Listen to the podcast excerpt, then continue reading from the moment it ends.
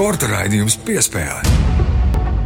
Esiet sveicināti Latvijas radio pirmā kanāla sporta raidījuma piespēle klausītāji, svētdiena, ierastais laiks un arī ierastie raidījuma vadītāji Mārtiņš Kļavinieks un Māris Bergs sveicina jūs šeit pie mikrofoniem caur radioaparātiem. Esiet sveicināti klausītāji, vēl viena nedēļa ar sporta notikumiem ir pagājusi un kā jau ierasts, mēs runāsim par spilgtākajiem sporta notikumiem. Šajā nedēļā mēs pieminēsim arī vairākus jubilārus, jo aizvadītajā nedēļā vairākiem Latvijas sporta izcilniekiem dzimšanas dzimšanas dienas, gan ļoti apaļas, gan arī pusapaļas, ja tā varētu izteikties. Un tāpat kā jau ir šajā raidījumā, tāpat kā visos iepriekšējos, mums ir arī nedēļas lielā tēma. Daudz uh, apspriests temats ne tikai pēdējos gados, bet uh, pēdējā desmitgadē, ko kā darīt labāk, tad, kad labi rezultāti, tad uh, pievēram acis uz problēmām, slavējam medaļniekus. Runa, protams, ir par ledus trases sporta veidiem Latvijā un Siguldas bobsleja, kamaniņu un skeletonu trasi. Kāda ir tās nākotne, kāda ir tagadne un kāda bijusi pagātne? Ieskatīsimies tajā un e, analizēsim to arī no tādas profesionālās prizmas, jo mums būs e, saruna biedrs, kurš to varēs ļoti labi izdarīt. Valsts pārvalda šo sporta objektu, tāpēc arī galveno valsts sporta ierēdni Edgars Severu no Izglītības un zinātnes ministrijas sporta departamenta aicināsim uz sarunu gan par finansējumu, trases nākotni, iespējamiem ieguldījumiem un, protams, arī par jautājumu, kas jau vairākus gadus ir uz um, daudzu sporta līdzekļu lūpu kaktuņiem, kad tad būs tie prioritārie sporta veidi. Kad ir medaļas, tas ir viens veids, kā mēs šo trasi vērtējam, bet otra prizma, caur kuru var vērtēt trasi, ir ieguldījumi, kas tajā nepieciešami. Un šajā trasē ir nepieciešami ieguldījumi, kā mēs to zinām. Bet uh, sāksim mēs ar nedēļas notikumu topu, tas jau pēc pavisam īsas attēlpas.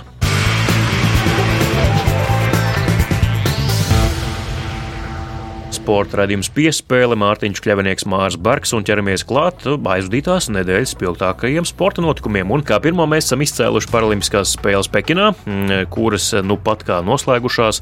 Tieši šodien arī ir tā diena, kad spēles noslēdzas oficiāli, bet latviešiem gan jau pirms pāris dienām noslēgušās ratiņķērlinga komanda bija vienīgie Latvijas pārstāvi šajās Paralimpiskajās spēlēs. 9. vieta no 11 komandām.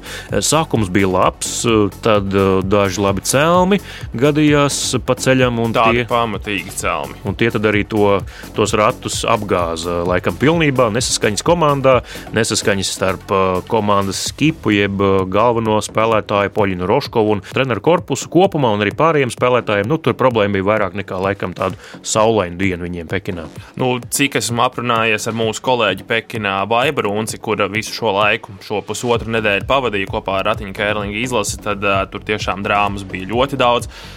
ja mēs esam pieraduši, ka profesionālajā sportā visa šī drāma parasti tiek paturēta iekšienē, komandas vai organizācijas iekšienē un tiek iznesta ārā pēc sacensībām kādu laiku. Šeit tā drāma sprāga ārā jau mēnešus pirms Paralimpiskajām spēlēm, un tagad arī atrodoties uz vietas Pekinā, ir problēmas, ir strīdi, kašķi komandas iekšienē.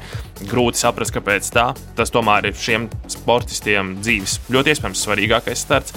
Diezgan dramatiski, un tas, kas sākumā izskatījās ļoti labi uzvara pret Zviedriem, kas bija viena no galvenajiem favorītiem, tāpat arī Slovākija tika apspēlēta, kas arī kvalificējās galvenajiem mačiem cīņai par medaļām. Bet zaudējums amerikāņiem ar vienu punktu, un tur arī, arī bija Igauniem tā... zaudējums. Jā, bet uh, tā Amerikas spēle arī bija tā, kas izšķīra uh, Poļinas tālāko likteni komandā. Treneris um, Arnis Veidemanis sacīja, nē, mainām skipu, tagad būs Ojārs Briedis. Ojārs Briedis netika īsti galā ar uh, saviem pienākumiem, varbūt spriedzi, satraukumu. Arī nākamais mačs nebija tas labākais. Nu, līdz ar to tur jau viss pajuka pa vīlēm. Bet par to, ko tu sacīji, vai viņi būs pēc četriem gadiem Milānā un Kortīnā. Es domāju, ka nebūs šī komanda noteikti, jo Poļina Roškova jau ir pateikusi, ka viņa labprāt pievērstos snowboardam atkal. Protams, paralimpiskajās kategorijās, bet tomēr ar snowboardu viņa nodarbojās pirms viņa gūšo traumu un nonāca ratiņkrēslā, tāpēc labprāt atgrieztos pie sev labi zināma sporta veida. Nu, viena lieta ir šī pati komanda tieši šajā sastāvā, kaut kas pilnīgi cits ir šā sporta veida pārstāvi kā izlase, kā tāda, vai viņi spēs kvalificēties pēc četriem gadiem. Tas ir atklāts jautājums, un atbildes uz to mēs droši vien redzēsim tikai pēc kādiem trīs ar pus gadiem, kad eh, būs šī kvalifikācija. Arnēs Veidmanis, ja, komandas treneris. Es nezinu, vismaz šodien ir tāda tukšuma sajūta, tāds sajūta, ka es nogulēju ballīti. Godīgi. Neizdarīt darba sajūtu. Bet droši vien ļoti daudzām komandām, mums, Skotiem, es nezinu, Norvēģiem, ir nu, ne tāds nepiepildīts sapnis, kas bija tepat deguna galā. Viņš bija viena uzvara līdz sešniekam un divas uzvaras līdz playoffam. Nu, pirmkārt, jau šurbraucot, jau teiksim, puses spēlētāji bija tādā vieglā šokā Un šeit vēl tie lēmumu pieņemšanas un teiksim, komandas dalīšanās arī šajos jautājumos un citos jautājumos, nu, tas bija arī tāds izšķirošs moments. Jo teiksim, nu, visu šo četru, pareizāk sakot, jau piecu gadu laikā, godīgi sakot, nekad nav bijis tāda ideāla komandas izpratnē. Komanda šeit, tādos lielos stresa apstākļos, tas viss iznāca vēl vairāk uz āru. Latvijas Paralimpiskā tāda kērlinga nākotne, es uzskatu, ir totāla komandas maiņa. Jā, bet uh, pozitīvi tas, ka pēc 16 gadu pārtraukuma Latvijai bija savi pārstāvi Paralimpiskajās spēlēs arī ziemā. Uh, par to varam ratiņu keirlingistus uzslavēt, un uh, tās nesaskaņas jau aizmirsīsies. Paliks rezultāts 9. vieta no 11 komandām, nav nemaz tik peļami. Un tālāk topā cilvēks, kuru mēs pieminējām pagājušajā svētdienā, ka mēs nezinām, kad viņš beidzot debitēs tajā savā jaunajā komandā. Sēž un sēž un gaida un neļauj viņam spēlēt, neļauj spēlēt. Pats grib, bet laikam vēl tomēr līdz galam nav vesels. Kristaps Porziņš. Protams, tas, par ko mēs runājam šeit, un Vašingtonas Wizards NBA beidzot tā debija notika šonadēļ, un kāda vēl debija. Un tajā pašā vakarā pēc raidījuma tieši tajā pašā naktī, kas ir, bija nakts no svētdienas uz pirmdienu, un nedēļas pats sākums. Kristaps Porziņš beidzot devās laukumā Vašingtonas Wizards krāsās un aizvadīja ļoti, ļoti labu spēli. Jā, nu debija Kristapam tiešām e, izcila. E, nedaudz vairāk nekā 20 minūtes laukumā. Viņam arī tas laiks bija ierobežots. Nedrīkstēja viņš spēlēt tik, cik treneris labprāt vēlētos. Viņam bija arī tomēr ierobežojums pirmajā mačā. 25 punkti, lieliski metienu precizitāte, trīs svarīgi tādi sulīgi tāmetieni. Ar to pirmo, pirmā iespēja atstāšanu Vašingtonas publikai un arī komandai nebija nekāda problēma. Kristapam viņš bija smaidīgs, priecīgs. Tik tiešām likās, ka nu, nav vairs tas mazais slovēnis eh, Luka, kurš viņam tur skrien pa priekšu. Viņš tiešām tāds ļoti atbrīvots. Jā, šo ir ļoti daudzi pamanījuši. Kā tu teici, Kristaps izskatījās atraisīts, viņš izskatījās laimīgs un apmierināts. Nu, šajā brīdī viņš ir Vašingtonas Wizards pirmā viola. Labi, tur ir Kēls Kuzma un vēl pāris spēlētāji, taču bez Bredlī Bīla viņš ir lielākā zvaigzne šajā komandā. Viņš tika pie bumbas, viņš tika pie metieniem. Arī otrā spēle nemaz nebija slikta. 19 punkti, rezultatīvākais spēlētājs komandā tajā mačā. Tur gan zaudējums pret Los Angeles Clippers, un tieši Kristaps spēles beigās nospēlēja pāris epizodēs ne tik labi, kā viņš pats gribētu. Viņš arī pats par to uzņēmās atbildību. Bet uh, virzamies tālāk topā, un pasaules uh, sporta karalis futbols ienāk arī Latvijā. Jau sākusies Latvijas futbola virslīga, par ko mēs runājām pagājušajā raidījumā. Pirms divām dienām, piekdien, pirmā spēle Liepāja Supernova vakardien Otradien arī daudz spēļu, šodien vēl spēle. Tā kā pirmā kārta godam Latvijas futbola virslīgā ir sākusies, nu jau aizvadīt, var teikt, liels cerības uz to, ka būs laba futbola sezona. Jā, nu tā kā jau Mārtiņš teica, pagājušajā nedēļā daudz un plaši runājām par virslīgu. Tiem, kas vēlas noklausīties šo raidījumu un to vēl nav dzirdējuši, tad gan Latvijas radio arhīvā, gan savā iecienītajās raidierakstu platformās meklējiet raidījumu piespēli un varat noklausīties šo raidījumu. Bet par uh, futbola virslīgu, jā, nu izpalika pirmssezonas preses konference. Futbola virslīgas vadība sacīja, ka nevajag kara laikā tādas, nu, savu veidu dzīves vai ne, un svētkus tomēr pieklusināt. Tā, tas sākums tomēr labāk ar spēlēm, nevis ar kaut kādiem pompoziem paziņojumiem. Nevaram aizmirst arī mūsu pēdējo divu gadu sabiedroto Covid-19. Arī tas joprojām ir aktuāli infekcija infekcijas eh, izplatība joprojām ir gana liela, lai arī tā samazinās. Un atceroties šīs futbola preses konferences, pirmssezonas preses konferences no iepriekšējiem gadiem, tur ir ļoti, ļoti daudz cilvēku, ļoti liela burzma. Iespējams, ka šajos apstākļos tā tik un tā ir laba ideja to nerīkot. Vienkārši lieku reizi nepakļaut uh, riskam gan žurnālistus, gan futbola cilvēkus, gan arī klubu pārstāvjus, spēlētājus, kuri tur vienmēr atrodas uz vietas kuplā skaitā. Nākamais notikums, līdz kuram nav jāgaida, kurš, nu, principā jau šodien arī noslēdzas pasaules kausa Bietlānā, tepat aiz Latvijas robežas, uzreiz tur netālu no Valgas. OTP pasaules kausa Bietlānā pirmo reizi notiek Igaunijā. Sāka viņi tā pakāpeniski ar Ibu kausa Bietlānā, ar pasaules kausa posmu slēpošanā. Tagad ir tā loģiski nonākuši arī līdz pasaules kausam Bietlānā. Tur pabija arī mūsu kolēģis Reinis Grunspeņķis. Nu, laikam līdz šim nevienu tādu sliktu vārdu neesmu dzirdējis no viņa par to, ka nebūtu kaut kas organizatoriski izdarīts vai tam līdzīgi, ka viss esot ļoti labi. Nu, latviešu rezultāti gan tie ir tādi, kādi ir. Nu, pasaules kausa pieredze Igauniem ir, kā jau te minēja, pasaules kausa posma distanču slēpošanā, turpat Otepē, līdz ar to viņi zina, ko dara. Tāpat valsts organizē arī VRC posmu, jau ir divus gadus organizējuši arī šajā apkaimē. Labi, VRC pamatā bāzē startu, nevis Otepē, taču Igauni zina, kā sarīkot lielus sporta pasākumus. Rezultāti, jā, nu, kā jau Latvijas Bietlānā, jāsaka, ir diezgan, diezgan švaki. Vairāk vai mazāk viss tā kā varējām gaidīt, bet patīkami pārsteidz Renārs Birkentāls sprintā sašāva par nulēm. Pēdējā aplī varbūt noplīs fiziski un uh, nepietika spēka. Tas, ko viņš arī pats teica, ka izlikās pirmajos divos apļos, un pēc tam trešajā jau vairs nebija spēka, taču 43. vieta sprintā ļoti solīdi. It īpaši viņam, kā junioru vecuma sportistam, startējot pieaugušo konkurencē, Latvijas Biatlona cerība vīriešu konkurencē pilnīgi noteikti. Jā, un, un nākamais sporta notikums, protams, um, arī šajā raidījumā mēs nekādi nevaram iztikt bez notikumiem uh, pasaulē. Karš Ukrainā, Krievijas realizētā agresija ir joprojām tas, par ko runā visa pasaule. Arī šonadēļ nekas nav mainījies sportā. Kaut kas jau laikam ir mainījies, jo vairāk vai mazāk Krievija ir izslēgta no visurienes, kur vien to var izdarīt. Ir vēl, protams, dažas organizācijas, kuras minstinās, bet uh, tās lielākās un redzamākās laikam tomēr savu vārdu ir teikušas, pasaules sports sāk saprast, kā tas varētu turpināt eksistēt un realizēt sevi bez Krievijas sportistiem, izlasēm, komandām. Vismaz tuvākajā laikā pilnīgi noteikti. Tāpat FIFA diskvalificēja Krievijas futbola izlasi no pasaules kausa playoff turnīra spēlēm. Poļi jau ir tikuši nākamajā kārtā. Poļiem bija jāspēlē pret Krieviem. Šīs spēles tādas nenotiek. Krievi tiek diskvalificēti no pasaules futbola. Droši vien nekāds lielais zaudējums nebūs. Arī vēl jāpiemina Londonas Chelsea. Par Londonas Chelsea gan neviens nesmējas. Viens no Eiropas futbola grandiem. Bet šim klubam īpašnieks ir Krievu oligārs Romanis Abramovičs. Arī viņš šajā nedēļā tika iekļauts iekļauts Anglijas, Lielbritānijas sankciju sarakstos. Tur bargas sankcijas tieši pret Chelsea. Uz kluba spēlēm vairs nevar nopirkt biļetes. Tur var doties tikai cilvēki, kuri ir iegādājušies sezonas abonementu. Tāpat vairs nav iespējams pasūtīt kluba atribūtiku. Un kas pats interesantākais, klubs nevar pagarināt līgumus ar saviem esošajiem spēlētājiem. Aizliegums pirkt jaunus spēlētājus, to es vēl varu saprast, bet tas, ka ir aizliegts pagarināt līgumu, ko tad viņi darīs nākamā sezonā? Jā, bet eh, vismaz Latvija notur virs ūdens eh, kaut kādā mērā Ukrainas eh, basketbola sistēmu, jo Latvijas vairākas pilsētas pie sevis uzņēmušas mazos ukrāņu basketbolistus, protams, ar Aināru Bagatska līdzgādību un palīdzību. Viņš pats personīgi sazinājās ar Valkas novadmēru Vēntu Armānu Krauklu, tāpat arī ar Valmieras pašvaldības vadītāju Jāni Baiku. Un tur jau mazie ukrāņi ikdienā uzturās spēlē basketbolu basketbolu. Mēs tūlīt arī raidījuma turpinājumā paklausīsimies, ko saka Vēns Armāns Krauklis par uh, to, kā viņiem uh, valkā iet.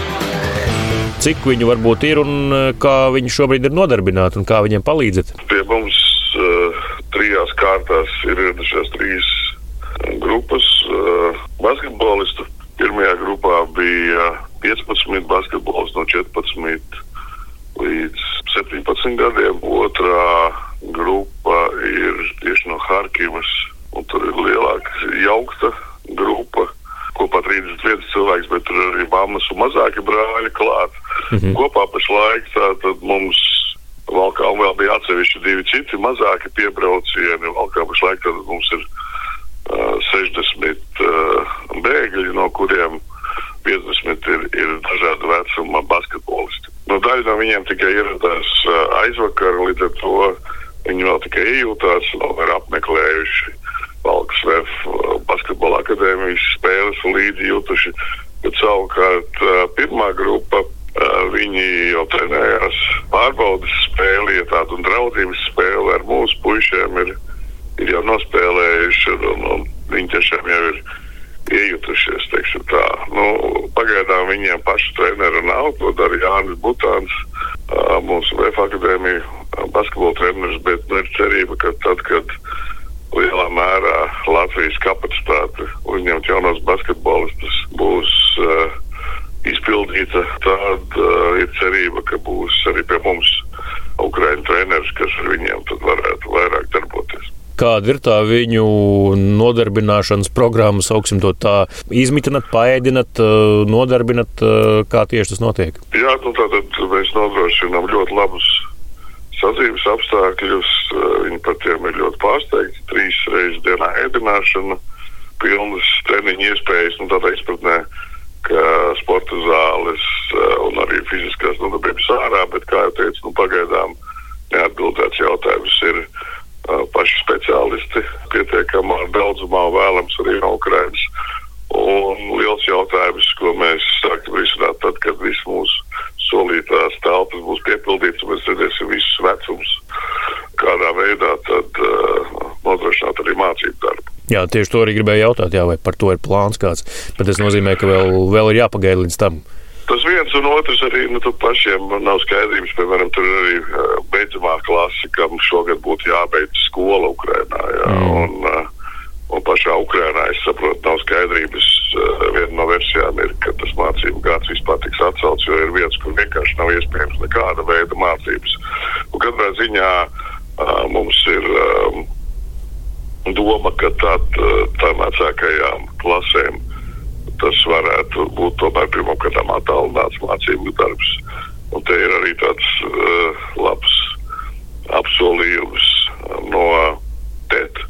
Uh, starp citu, jā, mūsu arī akadēmijā vien bija trēders Valks Valks, galvenais trēders Kristaps Zeits, te ir palīdzējis. Mm -hmm. Un TET ir solījis, ka mūsu internātos bez maksas ievilks optisko internetu un bez maksas nodrošinās internetu un ka varētu arī nodrošināt viņiem planšetes.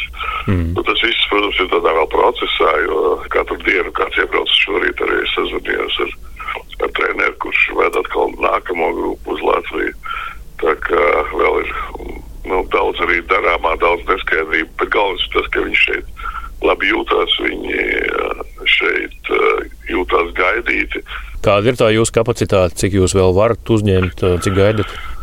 Uh, nu, kopā mēs uh, pašlaik uh, esam apsolījuši 70, uh, bet tieši arī vakar mēs apsekojām šodien vēl vienu skolu, kur gan ir vajadzīgi kādi pārbūves darbi, jo mums gribās tiešām, lai tie apstākļi ir civilizēti, kur vajadzētu iebūvēt vēl papildus dušas un toaletes. Un, ja vien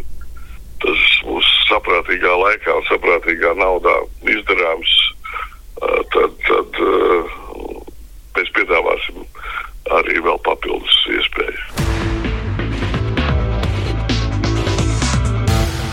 Un nedēļas spilgtāko notikumu topā izskaņā nenugluži tāds uh, sportisks notikums, bet ļoti, ļoti ar sportu saistīts notikums. Divi izceļami jubilāri, uh, kas svinēja savas dzimšanas dienas. Uļienai Semjonovai, pasaules un Latvijas basketbola leģendai 70, Mārim Strombergam, pasaules uh, un arī Latvijas BMX leģendai pusīte no tā, precīzāk 35 gadi. Apsveicam abus, un abi ir leģendāri sportisti, jo Olimpiskajās spēlēs kāpuši uz augstākā pakāpiena un, protams, arī sasnieguši ļoti daudz, katrs savā sporta veidā, savu karjeru laikā. Uļa, protams, ir kaut kas īpašs vispār pasaules sportā, vai ne Māri? Jā, ļoti unikāla sportista, unikāla basketboliste. Un... Zinām, ka arī ļoti ciešas draudzības saiknes Uļu vieno ar mūsu bijušo kolēģi Initu Kresu Katkausku. Tāpēc sveicieni gan Initai, gan arī Uļai, protams, vēlēsim eh, veselību un spēku viņas 70 gadu jubilejā. Mārcis Strombergs arī dzīvo Amerikā, dzīvo skaistu dzīvi, kā viņš ir pats izteicies intervijās. Tāpēc arī Mārim veselību, manam vārdbrālim. Jā, Mārķis vienmēr veselība jā, visos laikos. Jā, Mārķis veselību un uh, spēkus, lai vai ko viņš šobrīd dara un ko viņš ir izvēlējies darīt. Nu, līdz ar to arī izskan spilgtāko nedēļas notikumu tops, un tagad pēc mazas pauzītes dodamies tālāk, un tad mums studijas viesis. Sporta raidījums piespēlē. Latvijas radio pirmā kanāla sporta raidījums piespēle turpinās, un lielā intervija gan uh, manā, Mārtiņa Kļavinieka, gan mana kolēģa Māra Berga izpildījumā, un sarunāsimies ar uh, Izglītības un zinātnes ministrijas sporta departamenta direktoru Edgars Severu. Sveiks, Edgars! Sveiks! Jā, sveiks, Edgars. Sarunas sākumā mēs vēlējāmies parunāt nedaudz nevis par pašu trasi, bet par prioritāriem sporta veidiem. Skaidrs, ka par šo ir bijušas diskusijas nu jau vairāku gadu garumā. Kāda tad ir situācija ar prioritāriem sporta veidiem un kāda ir virzība šajā procesā? Tās idejas sākotnējā iecerē, kas bija, kad tika noteikti no valsts puses prioritāri sporta veidi, teikt, horizontāli, kura tad tiktu atbalstīti gan bērnu jauniešu līmenī, gan tautas sporta līmenī, gan augstu sasniegumu līmenī, tādā izpildījumā, kā bija sākotnēji iecerēts, no tās idejas mēs esam atteikušies, jo mēs redzējām, ka tas kritērija kopums dod brīžiem loģisku, bet brīžiem galīgi neloģisku rezultātu. Nākamais izpildījums bija diskusija par prioritāriem sporta veidiem tieši augstu sasniegumu līmenī, ja mēs runātu nevis par horizontālu visu sistēmu, bet vairāk par tieši par augstu sasniegumu šo piramīdas spici, kur tā iecerē bija un joprojām daļēji ir, ka mums tomēr ir sporta veidi, kuri starptautiski ir konkurētspējīgāki, un ir savukārt sporta veidi, kas objektīvi nevar konkurēt pasaules līmenī, bet tās finanšu vajadzības ir visiem. Tad patreizajā situācijā mēs esam kaut kur, varētu teikt, pa vidu. Mēs 2022. gadā mēs no ministrijas puses bija tāds jauns uzstādījums attiecībā uz Latvijas Sporta Federāciju padomes finansējumu sadali, kas tika arī atbalstīts mūsu Nacionālās sporta padomes sēdē, kas sadala šos finansējuma sadalas kritērijus trijos blokos. Pirmais ir federācijā reģistrēto biedru skaits, jau nodarbojošo skaits. Tas ir viens no pamata mehānismiem, kā valsts turpmāk aprēķinās finansējumu federācijām. Un tur visas federācijas ir ieviesušas beidzot ar šī gada janvāri licencētu federāciju sportistu reģistru. Par to tiek piešķirti punkti atbilstoši tiem rādītājiem. Otrais bloks ir federāciju aktivitātes. Ja mēs runājam, tad tur mēs ņemam tādas rādītājas kā sportistu un dalības starptautiskās sacensībās, bet ne vēl rezultāti, bet dalība. Tad federācijas Latvijā sarīkotās sacensības bērniem, jauniešiem, tautas sporta līmenī un augstu sasniegumu līmenī un arī uh, citas aktivitātes pārskatu periodā, kā, kā izglītības pasākumi un tam līdzīgi. Un arī tur tiek piešķirti punkti. Un trešais bloks ir federāciju sportistu augstie sasniegumi, atbilstoši kritērijiem, tā skaitā vērtēt arī šo sasniegumu starptautisko rezonanci. Tādējādi var teikt, tas sākotnējais darbs, kas bija no tādu sporta veidu noteikšanas, nosaukšanas, ir pēc tāda punktu aprēķināšanas pieejas šobrīd ir, ir aizgājusi. Tur mēs tāpat redzam, top federācijas, jau tur ir visas federācijas, kas mums Latvijā pastāv, 94 top sporta veidu. Mums šobrīd sanāk, piemēram, ir volejbols visvairāk no šiem, jo tur ir pludmale un klasiskais kopā. Otrā vietā, attiecīgi, ir vieglietika.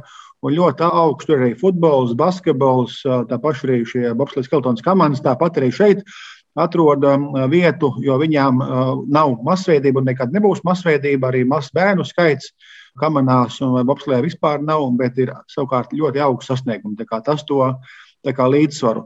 Ar šo gadu arī ministrijas uzstādījums bija, ko sporta padome atbalstīja.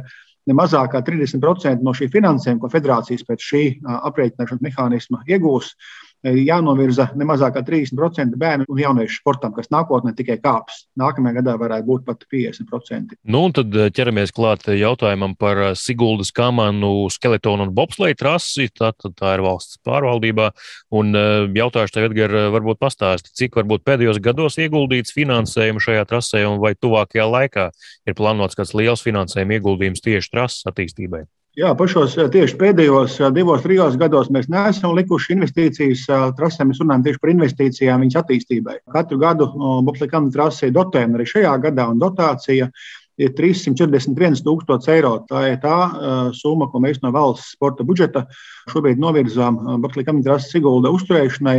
Aktīvākas diskusijas bija divi gadi iepriekš ka bija jautājums par potenciālu mūsu kandidēšanu, un pat nevis potenciālo, bet kandidēšanas līdz pēdējiem brīdim kandidēšanu uz 26. gada Ziemas Olimpisko spēļu norisi tieši Latvijā un Siguldā. Tad tur valdībā tika skatīts šīs trases attīstības plāni, un mērķi, un tur tika iezīmēta tajā brīdī 50 miljoni eiro kapitālai pārbūvēi. Tad bija jautājums, kādu vietu lomu Siguldas trasē noteikti tādā valsts kopējā plānā, ne tikai sporta attīstībā, bet uh, nacionālā attīstības plānā. tad tur tika iezīmēts trasē 30 miljonu eiro. Tā kā mazāk nekā olimpiskiem mērķiem, bet joprojām ievērojama summa - 30 miljonu eiro. Tad uh, ir iezīmēta šajā plānā, ka trase mums jārekonstruē un jāattīsta. Un virtuāli, ja, tādas, ja to dara, tad summa kā minimums būtu 30 miljoni eiro. Bet pēdējā, attiecīgi 21. gadā, prasot finansējumu 22. gadā, šobrīd no valsts budžeta puses nav ticis atbalstīts finansējums Sigūdas trases attīstībai. Bet tas, ko mēs redzam, ar ko būtu jāsāk, mums būtu jāsāk ar to, ar ko mēs faktiski pabeidzām šo jautājumu par Olimpisko spēļu kandidēšanu. Tas nākamais loģiskais solis, kurām mēs šajā gadā plānojam arī paredzēt finansējumu. Tas nav miljonos, nav pat simtos tūkstoši. Tā summa varētu būt aptuveni 40 tūkstoši eiro. Ja apslēgt kamentrases Sigulda rekonstrukcijas meta projekta izstrādes starptautiskais konkurss attiecībā uz šo, un par šo jautājumu valdības lēmumu varētu būt aprīļa mēnesī. Tas avots ir valsts sporta budžeta līdzekļi.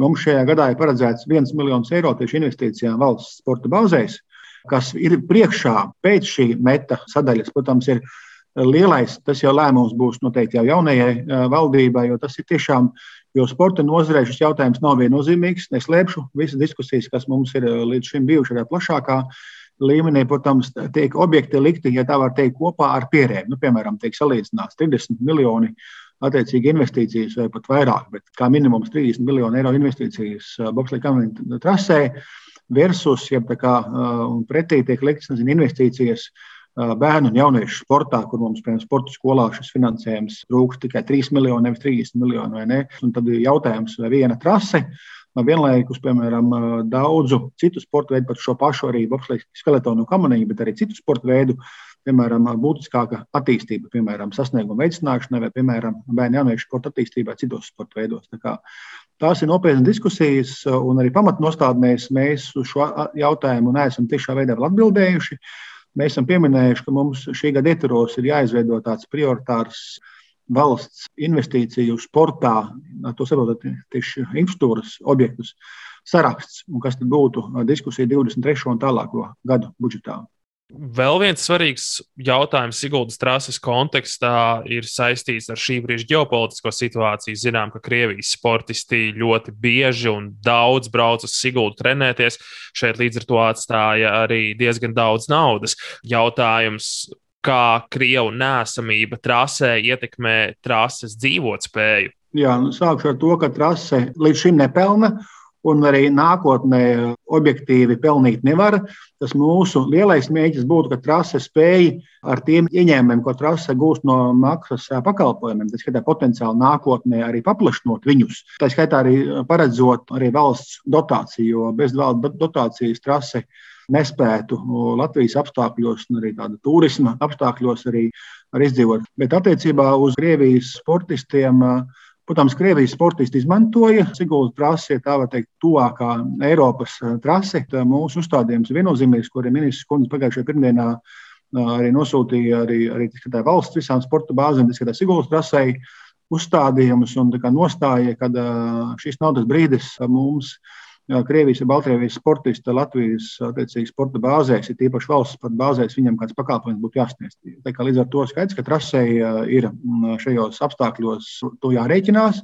Bet es gribētu teikt, ka daļai tā, ka tāda, pielāgošanās šim procesam bijusi arī Covid laiks, jo divu gadu ietvaros jau ir bijuši Covid ierobežojumi, kuru laikā tā skaitā šis ceļošanas regulējums, pašatulācijas regulējums jau ir nemaz nebija tāds, kas veicināja ļoti starptautisku sportistu ierašanos Sigūdas rasē ārpus pasaules kādas posmiem. Valsts divas reizes ir kompensējusi, Sigūdas rasē vienreiz, jā, pagājušā gada oktobrī ir kompensējusi ar papildus dotāciju kas šos neiegotos pašu ieņēmumus kompensē no valsts budžeta. Bet nu, skaidrs, ka mēs mūžīgi nevarēsim tikai jebkādas ieņēmumus viņu trūkumu kompensēt. Tāpēc uh, trasē ir vadība, vadībai jāstrādā, jāmeklē šie arī citas iespējas, bet uzstādījums viennozīmīgi mums ir Krievijas un Baltkrievijas sportisti būtu nav tik, pareizi sakot, nav aktīvi bobslēgas kaut kādā kamniņā, bet Krievijas sportisti.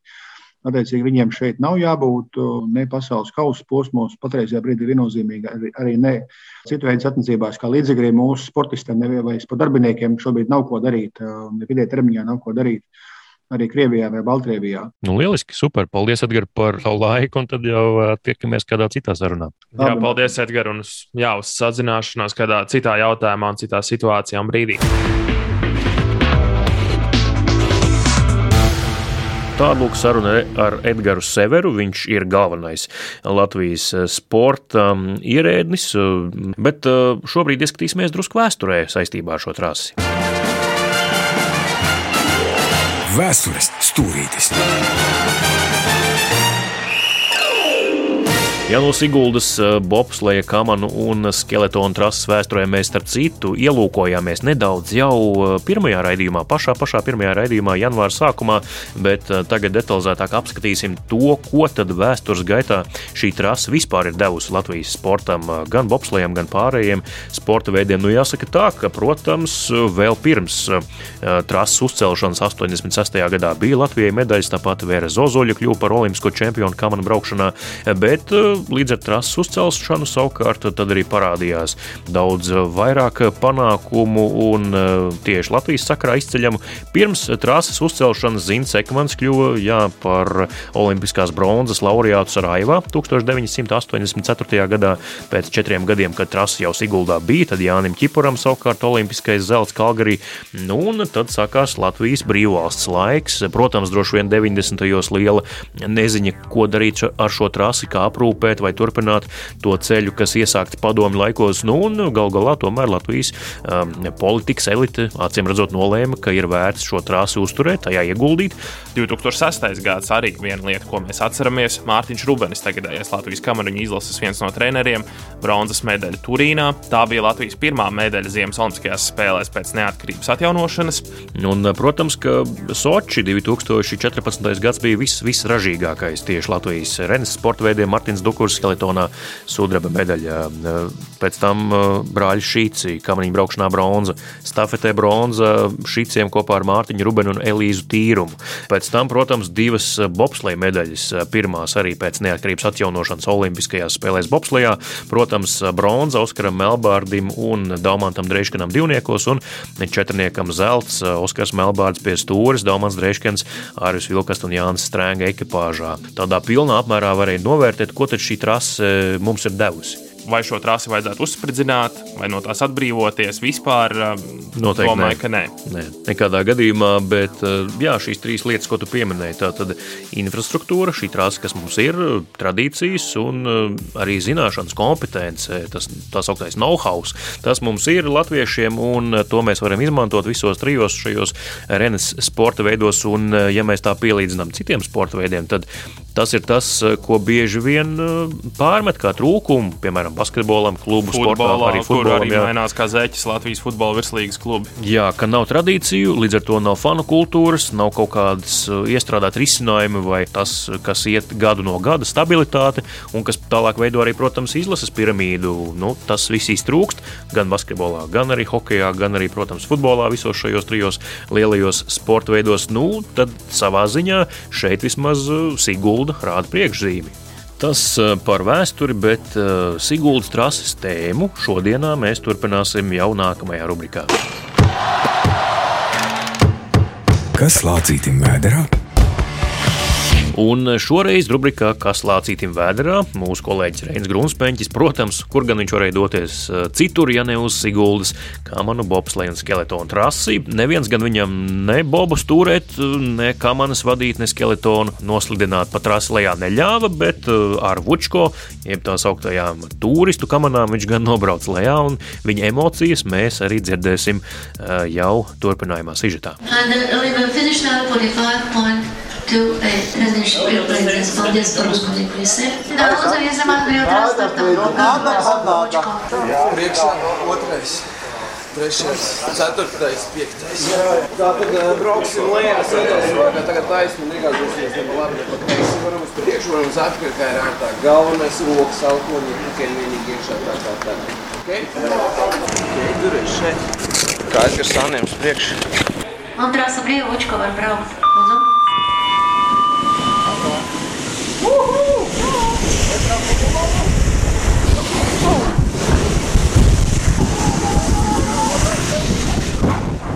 Brauciens ar Vučko bija tiešām interesants. Kaut gan parasti es neesmu tādu ekstrēmu aktivitāšu piekritējis, bet eh, šis brauciens man patika. Siguldas eh, trasi līdz šim es biju izgājis tikai ar kājām vasarā, bet eh, braucot ar Vučko sajūtas, protams, ir stipri atšķirīgākas. Nu, pēc sajūtām ātrums bija lielāks nekā es biju gaidījis sākumā, bet Vučko, protams, nebrauc tik ātri, cik lielās bobsleja kamanas. Ātrums sasniedz aptuveni 80 km/h, un visu trasi mēs izbraucām minūtē un 10 sekundēs. Lielāko ātrumu Vučko uzņem tieši trases pirmajā pusē un vidusdaļā, un tajās eh, pirmajās virāžās eh, vai arī ilgajos eh, pagriezienos arī sajūtas ir visāsākās. Nu, beigās jau vairs nav tik traki, bet pirms braukšanas noteikti neiesaku es neko tādu, kas mīkstina vēderu, jo finišā izkāpjot no Vučko var parādīties arī slikta dūša. Turklāt pēc tam brauciens ar smago mašīnu augšā kalnā atpakaļ gar trasi noteikti neuzlabo šo situāciju, un sajūtas visos pagriezienos ir gandrīz tikpat ekstrēmas kā paša Vučko brauciena laikā, bet, nu, jebkurā gadījumā tas, protams, ir labāk nekā iet atpakaļ ar kājām. Labi, labi,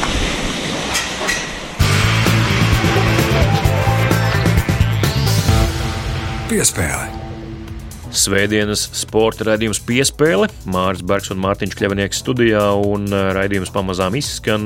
Reinim redz, jautra gāja ar Vučko braucot lejā pa Siguldas trasi, bet uh, mēs līdz ar to arī noslēdzam šo tematu par Siguldas ledus trasi nākotne. Tā droši vien ir neapšaubāma, bet tas, kāda tā būs, to gan vēl tā uzreiz šobrīd mēs nevaram pateikt. Nu, nauda visgal galā, kā jebkur dzīvē, atdurs pret naudu. Kā nu ne, nu, un šobrīd naudas jautājums ir aktuāls visdažādākajos kontekstos. Jā, nu un Reinis eh, gan eh, nobrauc lejā pa Siguldas trasi, gan arī šonadēļ ir OTP, kur pasaules kausa posms Bietlonā. Tā kā Reinim eh, ļoti spilgta nedēļa saistībā ar ziemas sporta veidiem. Nu, un, protams, arī mūsu kolēģi Baiba Runce, kur arī visas šīs nedēļas laikā mums ziņoja par notikumiem Pekinā, par to, kas notika Ratiņa Kērlinga izlasē gan laukumā, gan arī ārpus laukuma par dažādām lietām, kuras jau apspriedām raidījuma pirmajā pusē.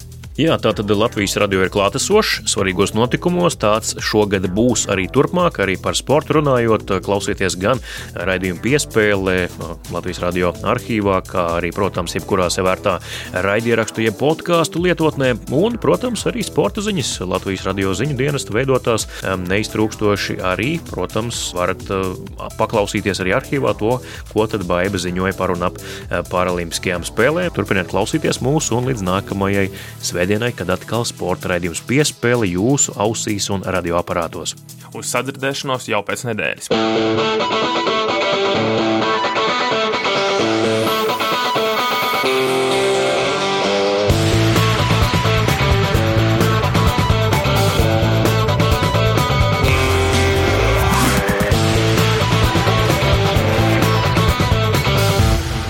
Sporta raidījums piespēlē.